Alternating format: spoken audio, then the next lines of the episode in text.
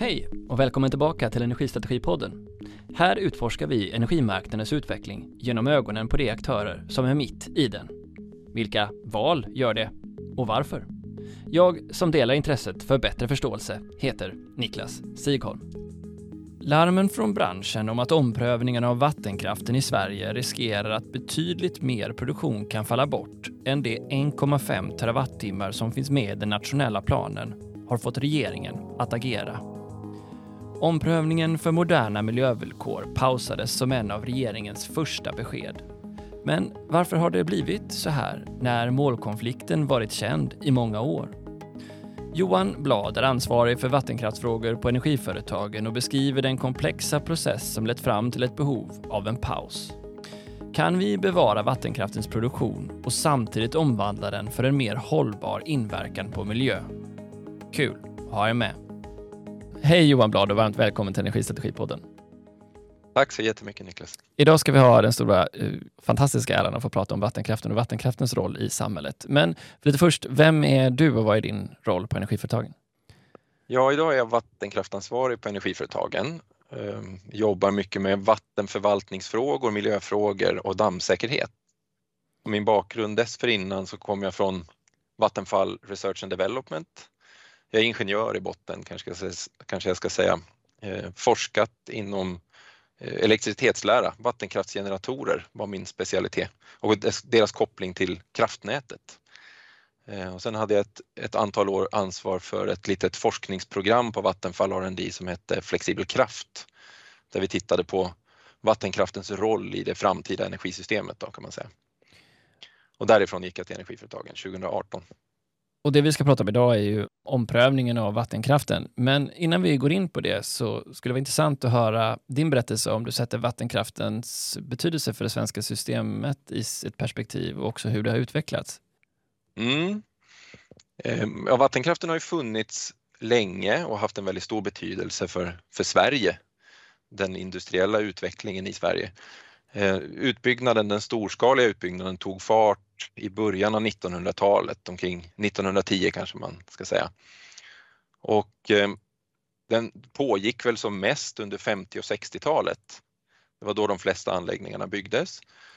Ehm, då började det också bildas en opinion mot vattenkraftsutbyggnaden i takt med att man tog fler och fler älvsträckor i anspråk. Då. Ehm, och någonstans i mitten på 60-talet så tog det stopp och det blev eh, ganska mycket debatt och utredningsarbete hur man skulle göra eh, framöver då. Eh, och sen på 70-talet då hade man ju satt igång med kärnkraftsutbyggnaden. Och då var det, efter allt det här utredningsarbetet så, så hade man ett antal riksdagsbeslut om den energipolitiska inriktningen då där man bland annat undantog fyra stora älvar från fortsatt utbyggnad. Det var Torne, Pite, Vindel och Kalixälven. Och eh, man beslutade också om ett planeringsmål för de kommande tio åren fram till 1985. Eh, det, det beslutet togs 1975 eh, där man beslutade att man skulle nå 66 terawattimmar. Eh, och då byggde man framförallt ut effekten i vattenkraften. Då. Alltså man byggde vid eh, väldigt hög, man, man effektutbyggde ett antal kraftverk då för att kunna hantera den allt större variationen i säsongsförbrukning och dygns, eh, dygnsförbrukning, då, alltså skillnaden mellan dag och natt. Och man dimensionerade också för att kunna klara bortfall av kärnkraftsanläggningar och knapphet på olja. Eh, så att eh, ja, det, det, var, det var de principerna man gick efter. Då. Sen pågick det här arbetet med att realisera den här utbyggnaden ända fram till ungefär 1990. Och sen dess har man inte byggt egentligen någonting nytt då, utan då har man förvaltat det som man redan hade byggt. Så det är ungefär den nivån vi har idag, då, ungefär 65 TWh ett normalår producerar svensk vattenkraft. Och hur har, den, hur har sentimentet kring vattenkraftens position i samhället utvecklats? För jag menar med tanke på de här politiska besluten på, på 80-talet som du nämner så, så måste det funnits ett starkt motstånd mot vattenkraften. Idag så bedömer i alla fall jag att den är brett accepterad. Skulle du hålla med om den beskrivningen? Ja, motståndet var nog som starkast kanske på 60 och 70-talet. För då, det, det, ja, då bildades den nog en rätt, om jag har förstått det rätt då, det var ju före jag föddes, men eh, att opinionen var ganska stark där ett tag. Och det var ganska infekterade konflikter runt vissa älvar då som man löste ut där någon gång på 60-talet tror jag att det var. Man pratar om freden i Sarek till exempel och det finns sådana där. Eh, så att ja, man landade väl ner det där på ett bra sätt och sen har väl vattenkraften funnits där och gjort sitt jobb. Och jag tror att eh, ja, idag är väl inte eh, vattenkraftsmotståndet särskilt utbrett så där. De flesta är nog ganska så nöjda med vattenkraften men det finns fortfarande naturligtvis ett, ett motstånd på vissa håll. Det gör det. Som kommer till uttryck bland annat i samband med de här omprövningarna och så. Men det är liksom inget brett motstånd. Så, utan men vattenkraften byggdes ju ut eh, även innan kärnkraften. Ehm, hur har vattenkraftens position förändrats i och med att energisystemet utvecklats? Ja, när man byggde kärnkraften så då tog ju vattenkraften en delvis ny roll då, från att ha varit baskraft och reglerkraft och allting. Det var ju allting vi hade innan kan man säga, eh, förutom ja, ehm, ja, det fanns väl lite annat också, men, men så att säga, när man byggde ut kärnkraften så tog vattenkraften en mer renodlad reglerfunktion. Då, att den eh, balanserar förbrukningens variationer på framförallt säsongsskalan, alltså skillnaden mellan förbrukning sommar och vinter och dygnsvariationerna, skillnaden mellan dag och natt. Och sen nu då i takt med att eh, vindkraften har byggts ut och, och sol kommer in så tar vattenkraften också hand om en stor del av den variationen hos vinden och solen. Då. Så den byggdes för energiproduktion men har i en allt ökande takt fått stå för effekttillskott? Mm, det kan man säga. Eh, precis, den, den, den, när, när kärnkraften byggdes ut där så pratade man om en effektutbyggnad. Så då, då, gick vattenkraften från att vara så att säga, energidimensionerad i huvudsak till effektdimensionerad. Och hur ser det ut med var vi har vattenkraft i vårt land någonstans? Ja, de stora älvarna då som är utbyggda med vattenkraft ligger ju i de norra delarna. Ehm, elområde 1 och 2, man kan väl säga lite grovt att vi har ungefär 80 procent utav vattenkraftens produktion och effekt eh, i SE1 och 2 och resten i söder. Men sen kan man också titta på antalet anläggningar så har vi betydligt fler anläggningar i söder. Hur, eh, hur är fördelningen mellan vilka anläggningar som producerar hur mycket? Hur mycket står de små för? Ja precis, man brukar säga att gränsen mellan små och stor går vid 10 megawatt installerad effekt. Och eh, då har vi, jag tror att det är 206 anläggningar som är större än 10 megawatt och ungefär 1900 anläggningar som är mindre. Och hur mycket står de här 206 för då av den totala produktionen som vattenkraften har? Ja, det är mer än 90 procent. Okej, okay, så det är en stor slagsida? Jag tror det är 93. Jag tror det är 93 procent eller något sånt. Okej. Okay. Men eh, vad finns det för andra för fördelar med, med vattenkraften då? Vad har den någon fler funktion i energis, energisystemet? Ja, absolut. Förutom då energi och effekt så levererar den också systemtjänster eller stödtjänster som man säger nu för tiden eh, till kraftsystemet. Och det är ju, det är ju stora I den storskaliga vattenkraften så är det ju stora synkronmaskiner. Tunga, de tillför mycket rotationsenergi. De är väldigt bra på att reglera spänningen och de är ju också utbyggda samtidigt som stamnätet och regionnäten byggdes så att det där är byggt tillsammans. Spänningsregleringen i stam och regionnäten alltså, hänger ju väldigt mycket på den eh, reglerkapacitet och spänningsreglerkapacitet som, som finns i de här synkronmaskinerna. Den småskaliga kraft, de småskaliga kraftverken är påfallande också, eh, ofta också synkronmaskiner. De kan ibland vara byggda i, för att kunna driva eh, små samhällen där de, där de finns då, i ödrift till exempel. Så att det kan också vara Liksom, regionalt, lokalt kan de också ha en väldigt stor betydelse för, för kraftnätet, framförallt vid störningar och sådär.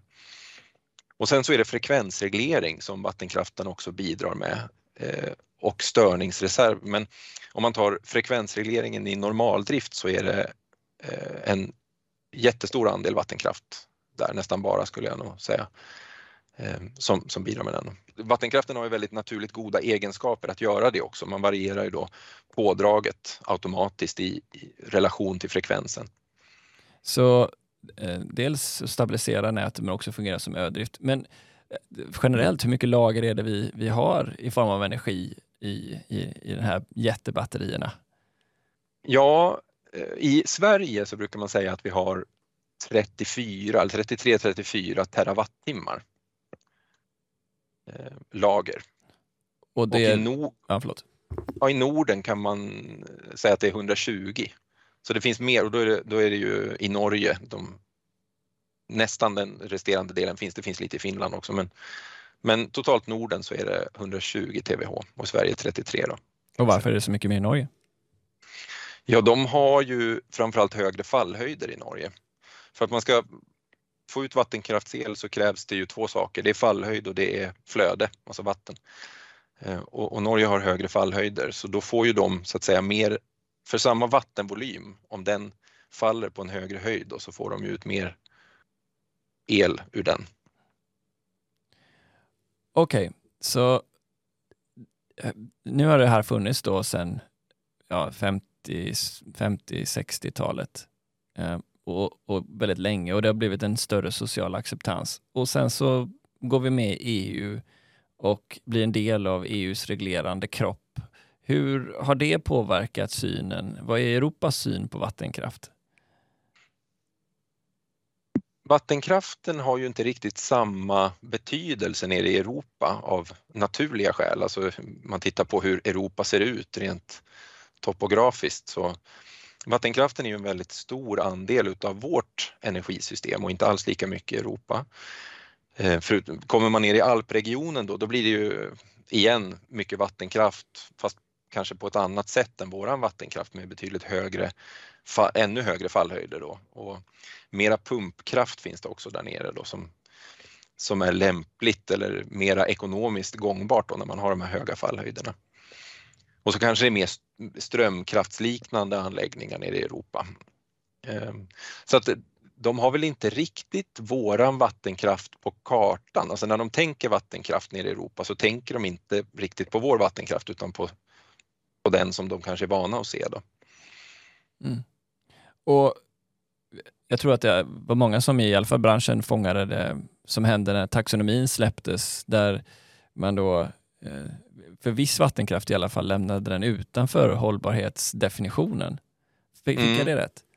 Ja, det kan man säga. De ställer ju i de här två första av taxonomins delegerade akter då, som handlar om klimat eh, så ställer de dels acceptanskriterier för att man ska få räkna sig som bidragande till eh, alltså hållbarhet för klimatet. Då.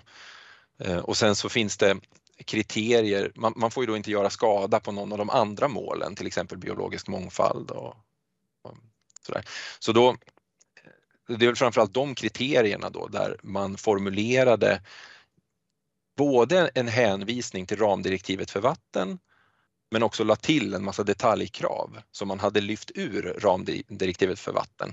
Och det, det är väl det som ofta händer med EU-reglering att man, man eh, ja, om man tittar på ramdirektivet för vatten som vi kanske ska prata mer om senare så, så är ju det ett, ett helt paket av så att säga det finns instrument och avvägningsmekanismer i ramdirektivet för vatten som gör att det blir ett, ett helt okej okay direktiv. Men om man plockar ut saker ur ramdirektiv för vatten och sätter dem i ett annat sammanhang så får de fel effekt. Eh, och det kan man säga att det var det som hände i taxonomin, att man både refererade till ramdirektivet men sen lyfte man ut en massa detaljkriterier också och liksom la dem vid sidan av med någon liten luddig formulering eh, som ja, gör, gör det lite svår, svårtolkat. Ja, det kanske är värt också att ställa en fråga om eftersom ju eh, vattenkraften ofta är system av flera eh, verk som ligger i, i serie med varandra. Eh, hur, hur ser den här liksom, optimeringen av vattenkraften ut egentligen? Ja, det är ju en jättebra, eller en viktig sak att tänka på då. Det är ju att, att vattenkraften är ju stora älvsystem som du säger. Och eh, det är ju det som ger den dess egenskaper, det är ju vattenregleringen. Alltså att man, att man planerar hur det här vattnet ska lagras och köras ut. Och det planeras ju mot elmarknaden. Alltså man då ser elpriset som ett mått på behovet utav planerbar kraft då så att säga, då, då, då är det ju det man planerar mot. Då blir det ju en, ett rationellt utnyttjande utav det här vattnet. Um, och det är en ganska komplicerad process då. Det kan ju vara jättemånga anläggningar i en älv och jättemånga regleringsmagasin och osäkerheter i tillrinning och osäkerheter i förbrukningsprognoser och, och sånt där. Och då försöker man göra så gott man kan för att planera det här vattnet så att det finns i rätt magasin vid rätt tillfällen. Då. Ja, för det är inte alla vattenkraftverk som ens har magasin, så ibland då när man spiller så måste nedströms eh, vattenkraftverk också producera med det vattnet som, som kommer ovanifrån. Ja, precis. Eh, så, men det kan ju då vara så att ett kraftverk inte har ett eget magasin men det nyttjar ett uppströms liggande magasin. Så älvarna är ju byggda ofta så att man har de största lagren, det man brukar kalla för säsongslager eller till och med flerårsmagasin, högst upp. Så man försöker, där försöker man ju då fånga in eh, framförallt vårfloden då när snön smälter upp i fjällen så försöker man ju fånga så mycket som möjligt av den högst upp. Och sen kan man då portionera ut det där vattnet i takt med i första hand då säsongs, man liksom säsongsreglerar vattnet genom att styra ner det i älven. Då kör man ut mer på, på vintern än på sommaren. Och sen finns det mellanliggande magasin i olika storlekar där man kan, som man kan använda då för att parera förbrukningens och nu även vindkraftens variationer på eh, ja, flerdygnsskalan som vi brukar prata om, alltså eh, parera hög och lågtryck egentligen. Förbrukningens variationer på dygn, dygnskalan och även naturligtvis ännu kortare då när man har prognosfel eh, och sånt där måste man också hantera så att säga. Då, då använder man de här magasinen till olika saker. Okej. Okay. Jag såg förra året en dokumentärserie som heter Vattnets väg på SVT där man visade på effekterna av att bygga dammar i en stor älv och hur det hade ja, om inte gjort laxöringens vandring uppåt och ja, att det avsaknaden av, av ständigt flödande vatten. Trots allt har ju vattenkraftverken en betydande miljöpåverkan när de byggdes. Hur ser branschen på det här nu då, givet att vi ska prata mycket om hur man ska ta sig an den utmaningen? Var det Fiskarnas rike du tänkte på? Ja, det kanske det var. Fiskarnas rike kanske hette. Jag tror jag den hette, va? om det var den du menar. Ja. Jo, nej men precis, det är klart att vattenkraftverken har ju varit en och dammarna framförallt har ju varit en eh, stor påverkan på landskapet och ekologin. Ehm, man har ju förändrat landskapet på så vis att strömmande vatten har blivit sjöar istället. Och det har ju också påverkat ekosystemen. Så det som var strömvattenhabitat och där det eh, då bodde strömlevande vattenorganismer och fiskar, så att säga, det har ju bytts ut nu mot sjöliknande och anpassat sig till och blivit sjöliknande ekosystem istället med helt andra arter och andra förutsättningar. Och det är ju naturligtvis en, ja, det är en stor förändring såklart. Mm. Och hur ser branschen på det här nu då, när nya krav och, och ja, önsk, önskningar om anpassning kommer? Är det någon skillnad idag mot hur det var ja, för tio år sedan? Säg? Ja, alltså det har ju pågått, då kommer vi in på det här med, med omprövning till moderna miljövillkor. Det har ju pågått diskussioner nu, ramdirektivet för vatten kom eh, i början på 2000-talet, år 2000 tror jag det var, och eh, togs väl in i svensk lagstiftning i någon form eh, runt 2004 tror jag. Sen har det varit väldigt mycket olika utredningar och i början på 2010-talet någonting som kallas vattenkraftdialogen där man träffades eh, olika aktörer och pratade om hur man skulle implementera det här. Alltså det, det är ju en jättestor process om man ska så att säga, genomföra ramdirektivet och de, de kraven i hela Sverige då, inklusive alla vattenförekomster med vattenkraft. Så att det pågick väldigt mycket diskussioner där omkring 2012 tror jag att det var. Ehm, med vattenkraftdialogen. Och sen så lyckades man enas om en form för det här som väl landade ner någonstans i närheten av energiöverenskommelsen 2016. Som gick ut på, Eh, ja, man brukar prata om den trebenta pallen, det, var, det, skulle vara en en eh, förenklad prövningsprocess med omprövning istället för nyprövning. Ehm, verksamhetsutövarna då, som, de som äger vattenkraftverken skulle själva söka om nya tillstånd. Ehm, finansieringen skulle komma från branschen själv då. Och, och, det har man löst med inrättandet av Vattenkraftens miljöfond. Åtta stora, de åtta största vattenkraftägarna har gått ihop och bildat Vattenkraftens miljöfond då, som ska finansiera hela den här processen med 10 miljarder. Och eh, sen så fanns det ett riktvärde för produktionsförlust i den här, eh, ja, i det här paketet då, som med en och en halv terawattimme produktionsförlust totalt på nationell nivå. Och, och var någonstans beslutades det, den här 1,5 terawattimmen? Ja, den, är, den upprepades väl sen i den fanns med i den här nationella strategin som Havs och vattenmyndigheten tog fram eh, och sen så fanns den med jag kommer inte ihåg vad det stod. Sen kom det en proposition 2017-2018 som heter Vattenmiljö och vattenkraft där jag har för mig att den står. Men sen liksom definitivt så kom den väl i regeringsbeslutet om nationell plan år 2020. I juni 2020 beslutade regeringen om den här nationella planen. För Havs och vattenmyndigheten, Energimyndigheten och Svenska kraftnät fick i uppdrag att ta fram ett förslag då till en nationell plan för hur hela den här processen skulle gå till. Eh, alltså hur man skulle göra avvägningar, hur man skulle samverka eh, och framförallt en, en indelning i olika prövningsgrupper där vattenkraft vattenkraftverken ska prövas individuellt men i ett sammanhang. Eftersom de sitter ihop i, i komplexa älvsystem så, att säga, så kan man inte bara titta på varje kraftverk för sig då, utan man måste titta på, på hela systemet. Så man delat in det i prövningsgrupper och sen beslutat om en, eller föreslagit en tidplan då som regeringen sedan beslutade. Okej, okay, så den här målkonflikten finns då. Vi vill ha en, en bättre miljöanpassad eh, vattenkraft generellt, men vi vill å andra sidan då är vi väldigt beroende och tycker att elproduktionen som de står för är viktig av många andra anledningar för samhället såklart. Vi behöver vår el. Så drygt 2 procent eh, är vi beredda som en kompromiss att acceptera att elproduktionen sjunker för att få möjlighet till en mer hållbar vattenkraft. Eh, mm. Finns det som du bedömer det, med den avvägningen gjord, goda möjligheter att, att på ett betydande sätt förbättra vattenkraftens hållbarhet? Ja, det tycker jag att det gör. Mm. Så det är inte att sätta målet att... för snävt? Liksom.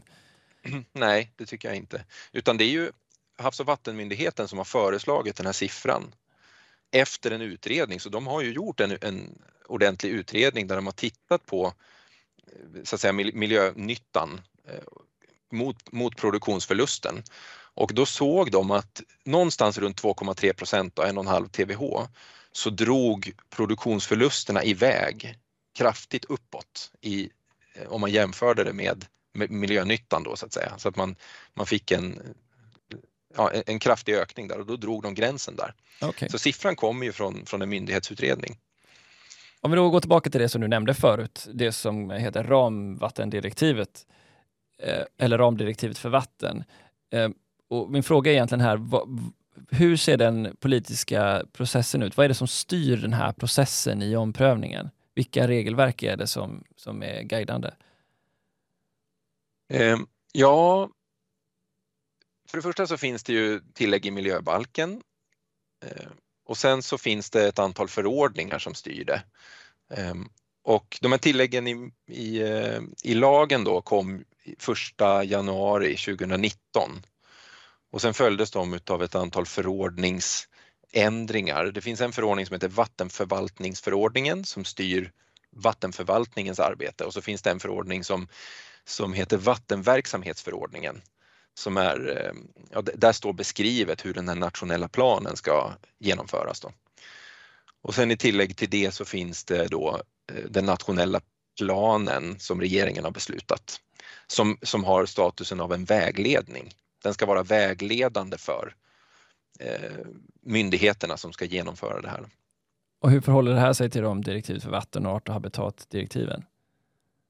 Eh, man kan säga att vattenförvaltningsförordningen, det som står där i, det är ramdirektivet för vatten rakt av. Så den har man liksom stoppat in i vattenförvaltningsförordningen. Och för, visst har art och habitatdirektivet en del i det här också? Mm, det har det. Man har, det är egentligen inte som vi bedömer det nödvändigt att de här två sätts ihop så att säga. Art och habitatdirektivet är ju ett eget direktiv. Eh, men man har liksom från, från myndighetshåll och i regeringsbeslutet valt att klumpa ihop dem så att man ska hantera båda de här samtidigt. Det kommer många frågor här, men jag antar att flera av de här vattenkraftverken också ligger i Natura 2000-områden.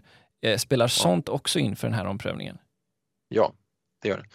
Och det är inte bara det att de ligger i Natura 2000-områden, de kan också ligga långt utanför ett Natura 2000-område men påverka ett Natura 2000-område.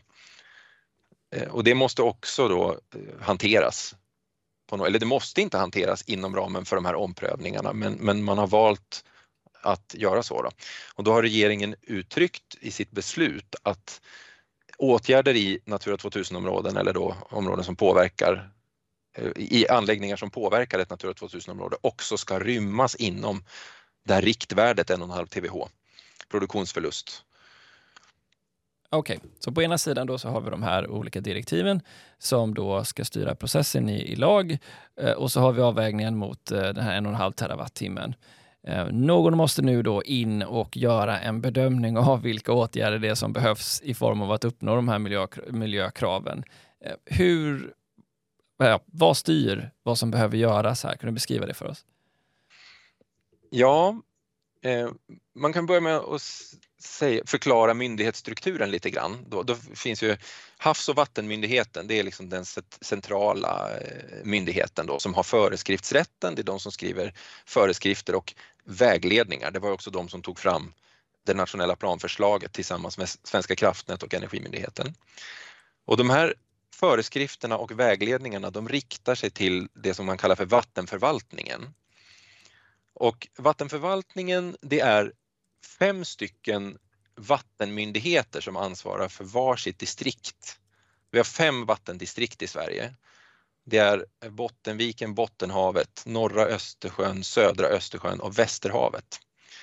Och de här vattenmyndigheterna de är egentligen inte egna myndigheter utan de tillhör eller de, de finns på en, på en länsstyrelse i de här respektive regionerna. Det är en länsstyrelse som, som är utsedd att vara vattenmyndighet. Då. Och varför just fem? Ja, det vet jag inte. Det är det, det tillräckligt var... många för att kunna samordna frågan i olika delar av regionen. Ja, jag, jag vet faktiskt inte varför det är fem. Men eh, vad kan man säga mer om det? Jo, sen är det så att Vattenmyndigheten då, de är ju de som arbetar på Vattenmyndigheten, de, de är ju anställda av Länsstyrelsen. Men det, då, deras uppgift är att bereda och ta fram förslag till deras instrument och det är miljökvalitetsnormer som vi kanske kommer att prata mer om. Det är eh, förvaltningsplaner och åtgärdsprogram.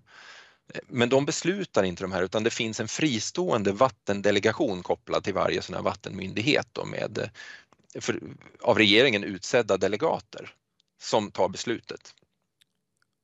Okej, okay.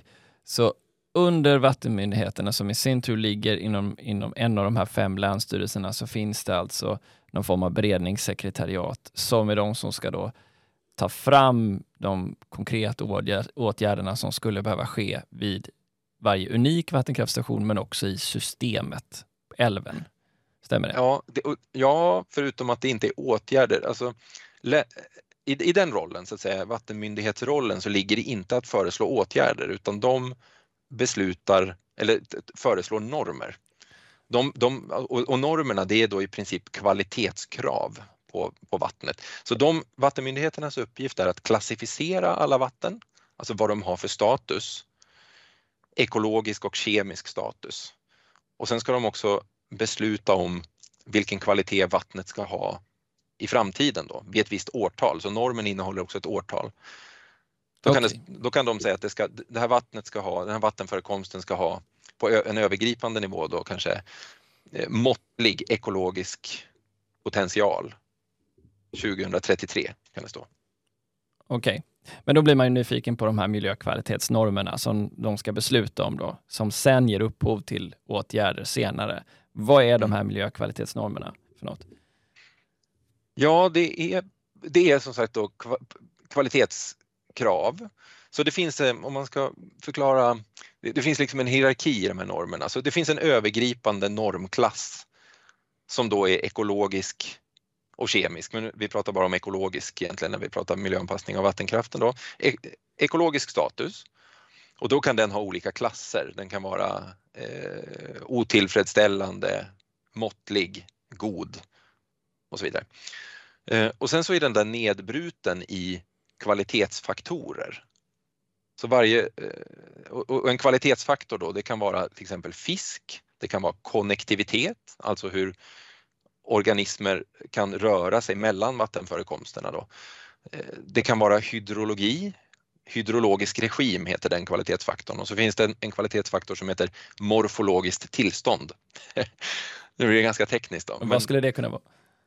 Morfolog, morfologi det är hur vattnet, eh, hur vattenförekomsten ser ut vad den har för form, vad den har för bottensubstrat, om det finns strukturer i vattenförekomsten, eh, om det finns död ved i vattenförekomsten och sånt där. Så det är liksom hur, hur den fysiskt ser ut. Då. Ja, men eh, vi fortsätter exemplifiera lite på så att jag förstår. Om, jag säger, om de kommer här och så säger de att det här vatten, vattendraget, det ska ha, eller den här älven, den ska ha god ekologisk potential. Vad innebär det i så fall då? Mm. Då är, måste man skilja på, nu sa du god ekologisk potential och det säger mig då att den här vattenförekomsten är kraftigt modifierad. För man skiljer på naturliga vattenförekomster, alltså när man klassar dem så att säga, så klassar man dem i tre kategorier. Det är naturliga vattenförekomster, kraftigt modifierade vattenförekomster eller konstgjorda vattenförekomster. Så att det är liksom, och, och är man ett naturligt vatten då ska man nå god ekologisk status som grundregel. God ekologisk status och det innebär vissa saker då på, på den här kvalitetsfaktornivån. Ehm, är man ett kraftigt modifierat vatten, vilket man är väldigt ofta om man är ett, ett, eller man borde vara åtminstone om man är ett, ett vattenkraftverk. Alltså, då har man ju på något vis modifierat den här vattenkom, vattenförekomsten på ett sätt som inte går att backa tillbaka utan att man får, och det, och det ska också då vara en vattenförekomst som har en betydande eh, samhällsnytta. Det behöver inte bara vara vattenkraft, det kan vara för andra ändamål så att säga. Men, men det är också ett kriterium för att man ska få bli eh, kraftigt modifierad då, att man har en, en, en samhällsviktig verksamhet. Och att då det, en, en åtgärd liksom för att gå till god ekologisk status skulle innebära en för stor påverkan på den här samhällsviktiga verksamheten. Okej, okay, så det man så att i princip för att ha god ekologisk status, den kategorin kan inte också vara på ett ställe där vi har ett, ett, kraft, ett vattenkraftverk som har stor påverkan på flödena? Jo, den kan vara, alltså vi har många, många, och det är ett av, av vad vi tycker är problemen med, med det här då, att vi har alldeles för få kraftigt modifierade vatten. Men så det kan vara ett vattenkraftverk med nuvarande klassificering kan vara naturliga vatten. Eh, och det tycker vi inte att de borde vara så att säga. Men, men många av de stora kraftverken har ju fått den här klassificeringen kraftigt modifierade. Då. Och då gäller det en annan norm, då gäller det här god ekologisk potential istället för god ekologisk status. Okay. Och, go, och god ekologisk, då blir det lite tekniskt igen, men, men god ekologisk potential då, det är det är de åtgärder, det definieras av de åtgärderna som du kan genomföra utan att påverka verksamheten negativt. Ja, just Om det. du förstår. Ja. Med, med bästa möjliga teknik. Jo, men ah, på något sätt här får jag efter att de här måste ju översättas till exempelvis vad vi behöver för vattenflöden, exempelvis om det ska fisktrappor till. Eh, mm. Är det så det funkar? Ja, det blir ju så. Och, och, den som beslutar om åtgärder och villkor för vattenregleringen, det är domstol. Ju. Det här ska ju prövas i domstol. Så att när normen då är fastställd, det vill säga kvalitetskraven, det kan vara då att du ska ha god ekologisk potential 2033, då ska Länsstyrelsen och vatten, eh, verksamhetsutövarna tillsammans på något vis komma fram till, det är i alla fall det som är tanken med nationella planen, ska komma fram till vilka åtgärder som krävs för att nå de här kvalitetskraven. Och sen ska verksamhetsutövarna ansöka om sådana villkor i domstol. Och sen är det domstolen som fastställer. Då. Så om jag förstår det rätt, worst case-fallet här då, sett ur en vattenkraftsägares perspektiv, så blir man då, är man i ett vattendrag där miljökvalitetsnormen eller arbetet runt det inte säger att man är en kraftigt modifierat älvsystem eller flod. Eh, och så säger man att det ska finnas en, en, god ekologisk potential i den och då innebär det ett krav på att man måste spilla en viss mängd vatten för att fiskar ska kunna vandra eh, och liknande. Ja, om, om, man har god ekologisk status som status. norm, precis, då, då ställs det väldigt hårt. Det, det, innebär, om man tittar liksom på, på vad det innebär, till exempel om man pratar hydrologisk regim, då ställs det väldigt hårda krav. Om du ska nå god ekologisk status i kvalitetsfaktorn hydrologisk regim då, så krävs det i princip naturlig vattenföring. Man får avvika 15 procent ungefär då från, och vi behöver inte gå in på hur man mäter det, men, men eh, ungefär 15 procent från naturlig vattenföring, alltså oreglerad vattenföring. Det innebär, alltså det ser ju vi, det, det är liksom oförenligt med, med den vattenkraft som vi har idag. Alltså det innebär i princip strömkraft, strömkraftverk. Då. Ha, är, det, är det i praktiken så det ser ut på vissa ställen? Eller? Nej, det är det ju inte utan vattnet jag menar bara, är, förlåt det var en dålig fråga. Är, är det det som är, har, har hänt här i, i bedömningen av de här kriterierna, att vi har fått den typen av hårda krav, vilket i princip innebär att ja, men då måste vi sluta producera el här? Ja, nu har vi inte sett utfallet egentligen i, i domstol än, men de normerna som sitter eh, nu, som är beslutade i december eh, förra året, då, där har vi väldigt många naturliga vatten och normen god ekologisk status i vattenförekomster med vattenkraft. Då. Och sen, men sen finns det andra sätt också då, man kanske ska nämna det, det finns ett instrument till och det är undantag med lägre ställda kvalitetskrav. Ehm, så det kan, det kan domstolen också använda så att säga för att, för att sänka kraven från god till måttlig eller ännu lägre. Då. Ehm, så det, det kan också, och det, då får man liksom en, eh, då ställs det lägre krav på den här vattenregleringen då till exempel, alltså lägre krav på att man ska ligga nära det naturliga. Okej. Okay. Då kommer kanske mer. den mest spännande frågan då. Så när i den här bedömningen från de här grupperna på vattenmyndigheterna som gör de här normbeskrivningarna som du varit inne på. När kommer den här trade-offen in? När kommer målkonflikten in? Konf eh, relationen mellan de här flödena som man vill ha för att, för att bibehålla eh, en hög ekologisk status och elproduktionen? Ja, det är väl ett av problemen som vi ser det då, att det inte riktigt görs någon avvägning på det sättet eh, som vi hade föreställt oss och som vi uppfattar att det är beskrivet i den nationella planen. Den nationella planen, så som vi ser den då, den är väldigt mycket top-down, alltså Myndigheterna, Havs och vattenmyndigheten, Energimyndigheten och Svenska kraftnät har ju då utifrån det riktvärdet brutit ner det regionalt på avrinningsområdesnivå. Då, då pratar man om så kallade HARO-värden, HARO är huvudavrinningsområde. Så då finns det liksom nedbrutna siffror för varje sånt här huvudavrinningsområde som vi då uppfattar att man ska försöka hålla sig inom och prioritera åtgärder inom. Ehm, och vattenmyndigheterna säger att de har gjort det. Att de liksom förhåller sig till, till det här harovärdet när de sätter sina normer. Ehm, vi tycker väl inte riktigt det och det vi har, det vi har sett är att de så att säga, analyser utav produktionspåverkan som vi har sett tycker vi inte riktigt ehm, ja, funkar. I, I, många fall så överskrids det här harovärdet. Vi ser till exempel i Ljungan som är en av älvarna som är först ut i prövningen så överskrids harovärdet med en faktor 3.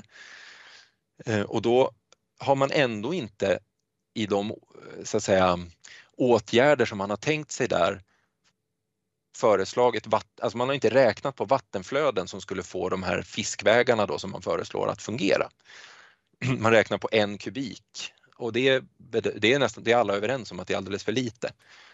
Eh, så att även om man överskrider harovärdet i Ljungan med en faktor 3 så tror vi att eh, det skulle bli i praktiken ännu, ännu, ännu mer. Då. Och sen har Vattenmyndigheten inte heller, vad vi vet om i alla fall, gjort någon beräkning av påverkan på reglerförmågan i vattenkraften. Så att räkna produktionsförluster på årsbasis, det är, det är en sak. Men man måste också titta på hur vattnet flyttar mellan olika tidsperioder. Och då kan det bli så till exempel om man, om man tappar vatten ur en regleringsdamm så behöver inte det innebära någon produktionsförlust överhuvudtaget. Däremot så flyttar man vatten från perioder när den här produktionen är väldigt mycket värd. Alltså när det är lite vind eller när det är eh, väldigt kallt eller ja, när produktionen behövs som mest, då flyttar man den till andra tider, alltså till natten eller till sommaren eller till perioder när det blåser väldigt mycket. Då. Så att man tappar liksom den här värdefulla planerbara produktionen och ersätter den med produktion på annan tid. Så därför måste man också titta på reglerförmåga och det tycker vi inte att de har gjort. Men vad, med nuvarande regim då som ni ser det, vad är, vad är rädslan av hur mycket energi då, om vi börjar där, som man riskerar att tappa om man fortsätter, om man hade fortsatt längs den här vägen? Ja, de uppskattningar, de senaste uppskattningarna jag har sett med liksom nu gällande normer så pratar vi kanske 5-6 terawattimmar. Men det är ingen som riktigt vet för att eh, åtgärderna är som sagt inte eh, Vattenmyndigheterna pratar inte i termer av åtgärder som vi kan konsekvensberäkna utan de pratar ju bara om kvalitetskrav. Och sen kommer liksom åtgärdsförslagen upp i, inom ramen för samverkan. Och då ser vi att då är det ju Länsstyrelsen som har uppgift att driva den här samverkan och deras inställning kopplat till där du, där du började då, vem gör avvägningen? De, I samverkan så säger Länsstyrelsen att vi ska inte diskutera avvägningen mellan vattenkraft och vattenmiljö här i samverkan utan det har vattenmyndigheten redan gjort i förväg. Som är på Länsstyrelsen? Bara... Ja, det är väl inte, inte, jag vet inte exakt, ibland är det samma personer, de flyter lite emellan tror jag men eh, ja, det är olika delar av Länsstyrelsen då i alla fall som, så, som, som deltar i samverkan och som är vattenmyndighet. Men eh, de, de säger då att vi ska bara här i samverkan komma fram till vilka åtgärder som krävs för att uppfylla normen. Och de åtgärder som Länsstyrelsen då anser ska göras, de är enormt mycket mer omfattande än vad som skulle rymmas inom riktvärdet 1,5 TWh då, eller eh, ingen betydande påverkan på reglerförmågan eller inte medföra orimliga kostnader i förhållande till miljönyttan. Alltså där ser vi att de, de föreslår väldigt, väldigt omfattande åtgärder. Men eh, har inte, eh, jag tänker att kanske så att Länsstyrelsens förmåga att bedöma både reglerbarhet och energiproduktion kanske är begränsad. Har inte branschen en, en roll här i att ta fram policies för hur man kan räkna på förluster i, i, jo. från branschen? Jo, det gör ju vi också. Alltså, verksamhetsutövarna har ju naturligtvis ett intresse av att kunna redovisa det. Så att inom ramen för samverkan så gör ju branschen själv, verksamhetsutövarna gör ju produktionsberäkningar och, och redovisar det för Länsstyrelsen och försöker få med det då i samverkansunderlaget. Men sen så saknas ju den här kopplingen tillbaka till vattenmyndigheten då att, att de tar emot de här eh, beräkningarna och, och, allting som tas fram. Det är inte bara produktionsberäkningar utan det görs massor med olika utredningar inom ramen för samverkan. Men eh, vi ser att det saknas en koppling tillbaka till normen då. Då borde ju vattenmyndigheten ta det här materialet och revidera normen för att liksom eh, ja, landa i det som, som eh, tas fram det görs inte som vi ser det och sen är det normen som blir bindande, styrande för domstolen. Då. Domstolen kan inte göra några avvägningar mellan energi och miljö utan de måste döma efter normen. Just det. Så därför är den där normen så viktig. Då. Så, så det är klart att verksamhetsutövarna gör beräkningar i de specifika fallen men har, finns det någon policy eller policyförslag framtaget som generellt borde guida inte bara de här prövningarna som pågår nu utan även i framtiden? Ja, det, alltså den policy som finns om du tänker från, från staten, så att säga, då är, det är ju regeringsbeslutet. Ehm, så det, det, det, står väldigt klart och tydligt där, men det, det står så här att man inom med arbetet med att genomföra planen ska ta största möjliga hänsyn till riktvärdet om 1,5 TWh och att det inte ska ske någon eller uppstå någon betydande negativ påverkan på reglerförmågan. Men det här med största möjliga, det kan man ju tolka på olika sätt. Ja, för jag, vet att, jag, jag, vet ju att ni i branschen har tagit fram någonting som heter Klivrapporten där ni hade metodförslag. Och då hade man ju kunnat mm. tro att Havs och vattenmyndigheten skulle ha tagit med det i arbetet med att ta fram sina vägledningar. Ja, det där är ett eget kapitel också. Det har, det har ju tagits fram under alla de här åren som det här har förberetts så har det ju gjorts väldigt mycket olik, tagits fram väldigt mycket olika metoder. Kliv som du nämner är en Eh, och det finns olika delar av kliv också. Det finns framkliv och priokliv och, och så. Det har skett mycket inom energiforsk då eh, och även Havs och vattenmyndigheten har varit eh, delaktiga i det arbetet. Men det är väl någonting som vi också ofta återkommer till att de här ja, prioriteringsmetoderna, sätten som, som är föreslagna att göra samhällsekonomiska analyser och sånt där, att de inte används då skarpt inom vattenförvaltningen eller inom samverkan. Men, så det är ett eget, särskilt problem. Men det verkar vara någonting som har sprungit helt galet här, eh, om jag förstår ditt sätt att se på det. Så vi, vi, har en, en, det börjar med en avvägning mellan å ena sidan miljöansvar och ett, eh, ett, en annan samhällsnytta i form av elproduktion och reglerbarhet. Och sen när vi väl kommer till att sätta normerna för det som ska bestämma vattenkvaliteten och hur den nu beskrivs, har skett ensidigt med endast ett av de här perspektiven, nämligen det ekologiska, det hållbara och inte utifrån andra samhällsnyttor? Ja, alltså helgalet skulle jag nog inte säga att det har gått för att vi är ändå vi är ändå överens med riksdagen och med regeringen, så att säga. Det har vi varit hela tiden. Med politiken har det funnits en samsyn och vi har haft och har fortfarande ett gott samarbete med myndighetssidan, alltså framförallt med eh, ja, Svenska kraftnät, Energimyndigheten, Havs och vattenmyndigheten har vi god dialog med och vi har även, vi har även ett gott samtalsklimat med vattenmyndigheter och länsstyrelser. Så, så att helgalet är det inte. Vi står ju fullt ut bakom liksom regeringsbeslutet om nationella planen så att säga. Sen så finns det delar som inte riktigt funkar på det sättet som vi har tänkt. Ehm, och som, som vi ju återkommer till att de behöver rättas till då på olika sätt. Ja, men då får du förklara för mig, för om, då kanske jag missuppfattar, men om det är så att vi, vi har en, en miljökvalitets eller en, en, kvalitetsnorm som, som leder till en slagsida och vi har en samverkansprocess som du precis pratat med där Länsstyrelsen inte ska avgöra om normerna är rätt. Då är det ju bara mm. domstolen kvar som kan avgöra huruvida åtgärderna är i paritet med de normer som har satts upp i förhållande till målet om elproduktion. Mm. Hur, hur, ska en Precis. domstol kunna fatta det beslutet, frågar jag mig då? Avvägningen mellan vattenmiljö och vattenkraft, den ska göras utav vattenmyndigheten i samband med normsättningen. Så det, det är de som har att göra den avvägningen. Då. Och vi, där, där, kan man ju säga att vi står, verksamhetsutövarna och vattenmyndigheten har ju olika syn på det här. Sen kan man ju fundera på vad det, vad det beror på och sådär att, att den här avvägningen inte riktigt faller ut då, som branschen tycker att den borde falla ut. Eh, och där är det väl bara konstatera att vi har väldigt olika så att säga, bakgrund och kunskap alltså om, om olika delar i den här, i den här omprövningen. Alltså, vattenmyndigheterna, då man, jobbar man på en vattenmyndighet då är man ju så att säga väldigt specialiserad på vatten och vattenmiljö. Ehm, och de behöver ju stöd utav Energimyndigheten och Svenska kraftnät i att göra de här, de här avvägningarna som vi ser det för att landa rätt. Då. Är, är det det här som är upphovet till varför vi nu har ja, som politikern uttrycker det, pausat de här utredningarna. För då, om jag fortsätter den här logiken framåt och, och domstolen inte kan göra den här avvägningen, då det är en part som betonar den ena vikten och en part som betonar den andra vikten, då, då landar det här vad då? I regeringens knä eller? Ja, i slutändan gör det det. Det finns, eh, det finns en process beskriven eh, för hur hur man ska ifrågasätta de här normerna. Det börjar med att domstolen ska återremittera dem till vattenmyndigheterna om de anser att de inte riktigt, om de inte tycker att de verkar stämma med verkligheten. Då. Och om inte vattenmyndigheten ändrar dem så finns det en väg upp till regeringen. Då. Så att risken är ju att det hamnar där till slut.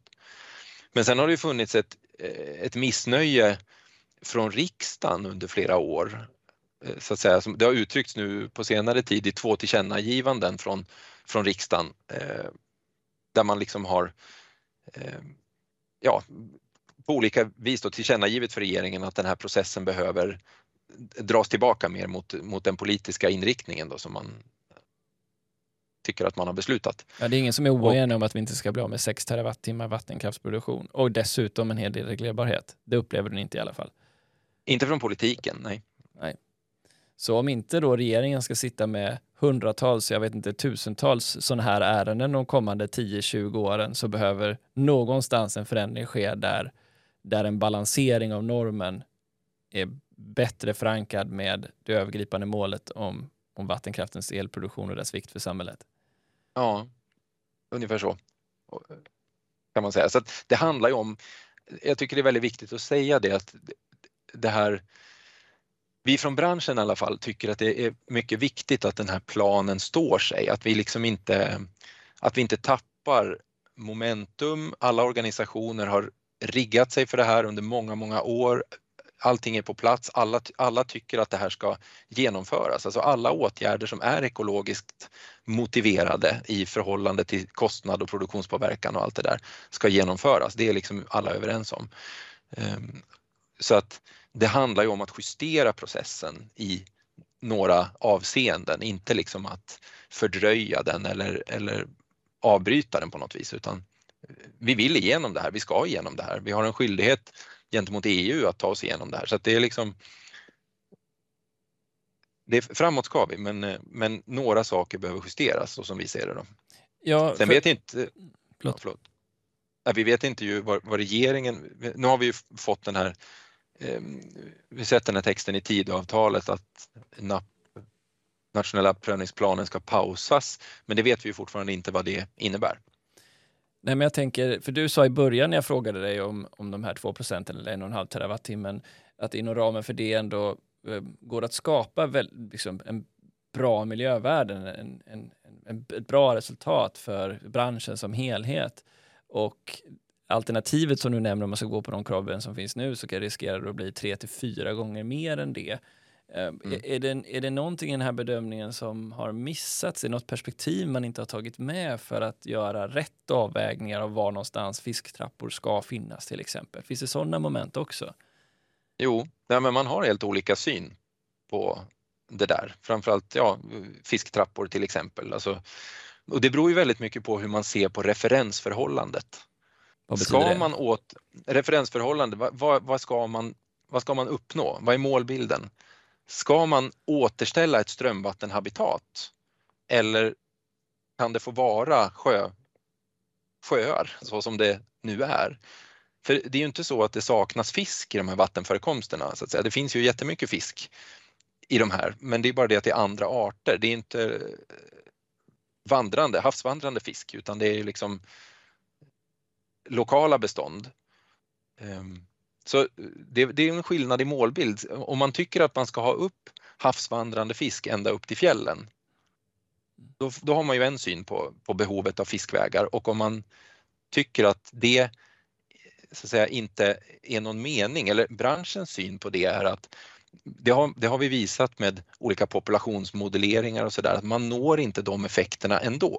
Alltså med de här fiskvägarna som, som föreslås i samverkan till exempel då, så når man ändå inte de här eh, effekterna som man vill åt på populationsnivå.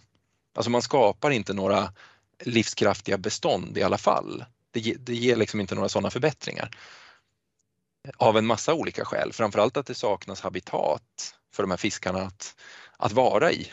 Och, och, så. Och, och, så att det finns väldigt, det finns ju redan lokala bestånd av öring och harr och sik och allt möjligt i de här vattenförekomsterna då. Om vi, om vi kliver in på den liksom kanske en, en, ännu svårare del då som vi inte får kommit in på än, som är den om Natura 2000-områden. Eh, och, och, att de ska ha någon form av gynnsam bevarande status.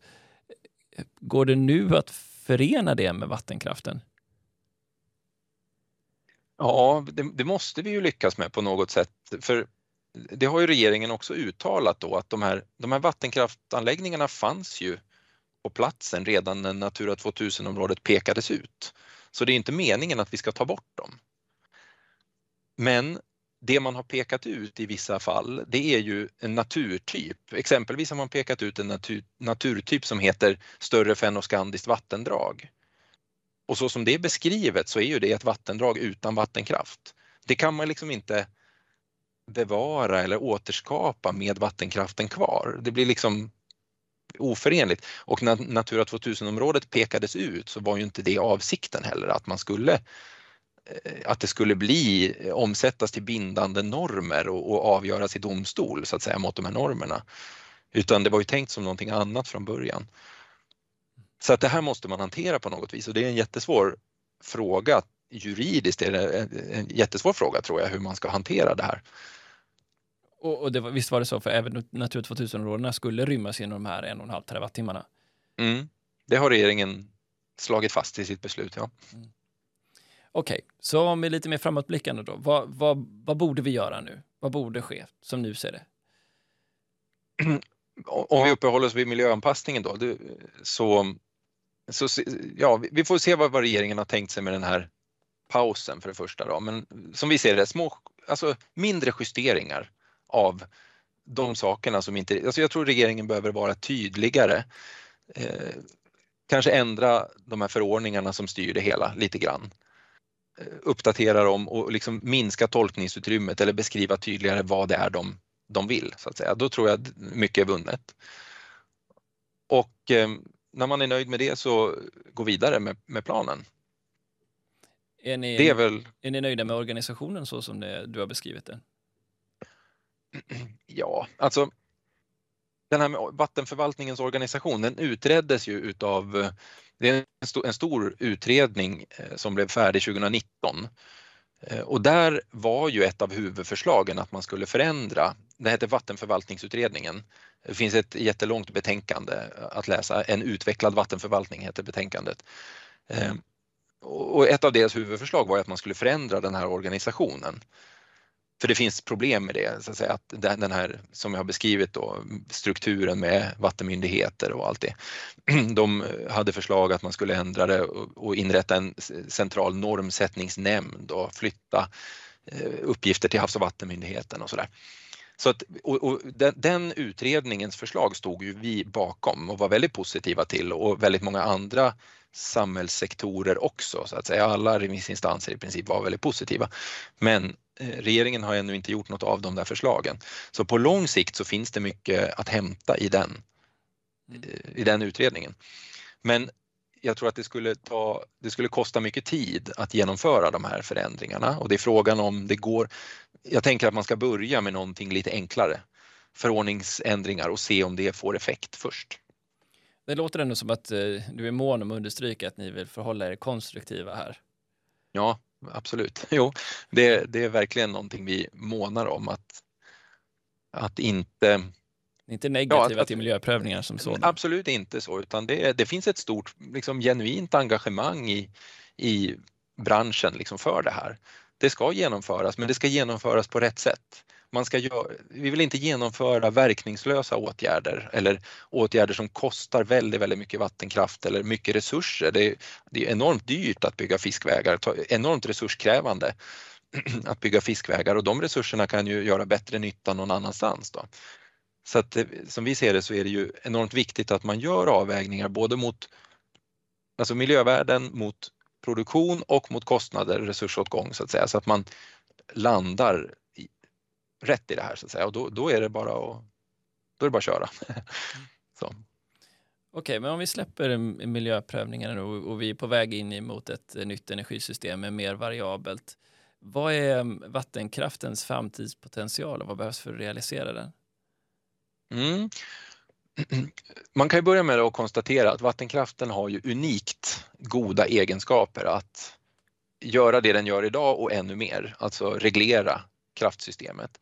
Och framförallt om man tittar på nordisk vattenkraft, norsk och svensk och så som den fungerar och på de tidsskalor som den fungerar så är den perfekt för att balansera just vindkraft, alltså flytta enormt stora mängder energi i tiden, alltså på, på dygnskalan och på säsongskalan och göra det här samtidigt. Så det, det är liksom en perfekt resurs vi har. Och då tycker jag ju att det är det den ska användas till i första hand också då, att man ja, att, ut, att ut, utveckla precis den egenskapen. Och vad behöver vi då? Jag förstår, det går inte att bygga nya vattenkraftverk. Behöver de renoveras? Behöver de effekthöjas? Vad är, vad är, vad är det branschen skulle behöva få incitament att göra? Mm, ren renoveras gör de ju ändå, så att säga, för att de är gamla. Så att det rullar ju hela tiden eh, förnyelse. Alltså bolagen har ju, de stora bolagen har ju jättestora förnyelseprogram så att säga och lägger ut de här eh, reinvesteringarna, förnyelserna i tiden så att säga för att det, det, är ju väldigt stora projekt oftast, kapitalkrävande och väldigt omfattande på alla sätt och vis. Så det, det sker ju ändå. Eh, sen så tittar man ju alltid naturligtvis när man gör någonting i en anläggning eller, eller även om man inte ska göra något, man, man tittar ju alltid och analyserar möjligheter att eh, bygga ut eller på något vis kunna använda det man har effektivare. Och då eh, ser man ju framför sig då, nu, nu, går vi mot ett helt nytt energisystem igen, precis som vi gjorde på 70 och 80-talet. Förändra liksom de grundläggande eh, egenskaperna i kraftsystemet och grundläggande behoven och att vi då måste göra en anpassning till det precis som vi gjorde då. Men eh, skillnaden här nu då, det är ju att om man pratade om effektutbyggnad då så brukar jag försöka sälja in begreppet flexibilitetsutbyggnad nu. Vad innehåller det? det flexibilitetsutbyggnad, då menar jag att här, om, om det vore effekt man var ute efter, toppeffekt, då skulle man ju bygga ännu mer där man redan har toppeffekten idag, alltså där det är, där det är högst fallhöjder i princip. Då. Men om man gör sina studier, och det vet jag för jag jobbar med det då på Vattenfall eh, R&D, alltså titta på var man skulle behöva bygga ut för att kunna balansera vindkraften. Då är det en annan typ av utbyggnad. Då handlar det snarare om att bygga bort flaskhalsar på den tidsskalan där vindkraftens variationer finns. Då. Så att man kan utnyttja hela älvsystemet effektivt mot det här nya förbrukningsmönstret eller det nya, ja man pratar om nettoförbrukningen, det är ju förbrukningen minus variabel produktion. Det är liksom det som är kvar för vattenkraften och annan planerbar produktion att, att balansera kan man säga. Har du något bra exempel där som man förstår? Mm. Ja, man tar jag kan ju prata om, om man tittar på Luleälven då som jag, som jag ändå kan ganska bra, hur den är byggd så kan man säga att dygns, dels har man de jättestora säsongsmagasinen i toppen och så har man ju då några tappkranar utifrån dem, så att säga. De kraftverken som liksom styr ut vattnet, portionerar ut det säsongslagrade vattnet. Sen finns det då effektutbyggda sträckor i älven som hanterar, de är byggda framförallt mot eh, dimensionerade för, för dygnsbalansering, eh, dag och natt. Då. Om man tar till exempel eh, sträckan från Porjus ner till Messaure till exempel, den sträckan är väldigt kraftigt effektutbyggd. Porjus, Harsprånget, Ligga eh, heter de anläggningarna där då. Och om man, den kapaciteten används idag på dygnskalan, alltså de här kör på dagen och står på natten de här anläggningarna väldigt mycket. Och så använder man Messaure-magasinet som är ganska stort, till, både Porjus och Messaure är rätt stora magasinen då. De liksom används för att buffra det här vattnet och sen så liksom kör man ut det här vattnet i nedre delen av älven på veckoskalan. Alltså i princip då på helgen så, så kör man ut det här vattnet. Men om man skulle kunna om man skulle bygga bort flaskhalsar i den nedre delen av älven då säg, så skulle man kunna använda hela älven Eh, effektivare på, alltså då skulle man kunna använda hela den här effektutbyggda sträckan på en ny tidsskala. Då. Och hur lång, hur lång skulle den kunna vara? Eh, ja men då är det ett par dygn i följd, alltså då handlar det om att balansera vindkraft. Eh, balansera hög och lågtryck då, så att säga ett par dygn i följd. Där men det inte blåser, också, eller där det blåser mycket?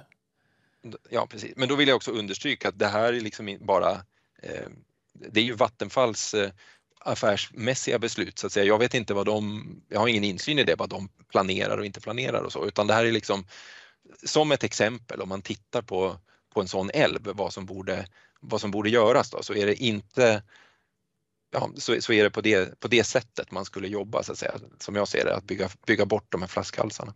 Just det. Så vattenkraften går från att vara en energiproducent till att hjälpa till på dygn och dag till att nu när vindkraften kommer in behöva ha längre så att säga stödperioder då älvarna är utbyggda för att hantera högtryck och lågtryck över tid. Mm. Och sen allt det andra också. Så att säga. Man, och det är det som är det fina då med vattenkraft, att ä, även om man hanterar hög och lågtryck så kan man ju hantera de andra variationerna också samtidigt. Man får allting på köpet. Så, så det, handlar ju om en, det handlar ju om att anpassa här och där. Det är liksom inte någon, kanske, det är inte några enormt stora förändringar vi pratar om här utan liksom, det är små, små justeringar. Så att säga. Man, man bygger något aggregat här och där skulle nog vara hjälpsamt. Och det kan man ju titta, det sker ju redan i andra älvar. Alltså, om man tar Skellefteälven som ett exempel så bygger ju Skellefteå Kraft ett nytt aggregat i Rengård till exempel. Så, så jag vet inte, alltså det, det, är som sagt upp till bolagen att besluta vilka eh, sådana här åtgärder man går vidare med då naturligtvis. Men, men på systemnivå så är det det som, som jag ser som skulle behövas. Jag tänker då avslutningsvis, du som nu sitter med då i, i mängder av forum som diskuterar de här frågorna och samordningen mellan de olika målbilderna och systemets behov på lång sikt. Eh, hur hoppfull är du nu när den här pausen då, vad den nu betyder, att vi ska kunna nå en balans? Ja, men jag, är, jag är hoppfull ändå. Alltså, det här kommer att landa ner på ett bra sätt tror jag, bara, helt enkelt för att det måste göra det. vi, vi måste som sagt igenom de här omprövningarna. Ehm, eh, när det får gå sina varv så tror jag att det kommer att, att landa ner på ett, på ett bra sätt. Det tror jag.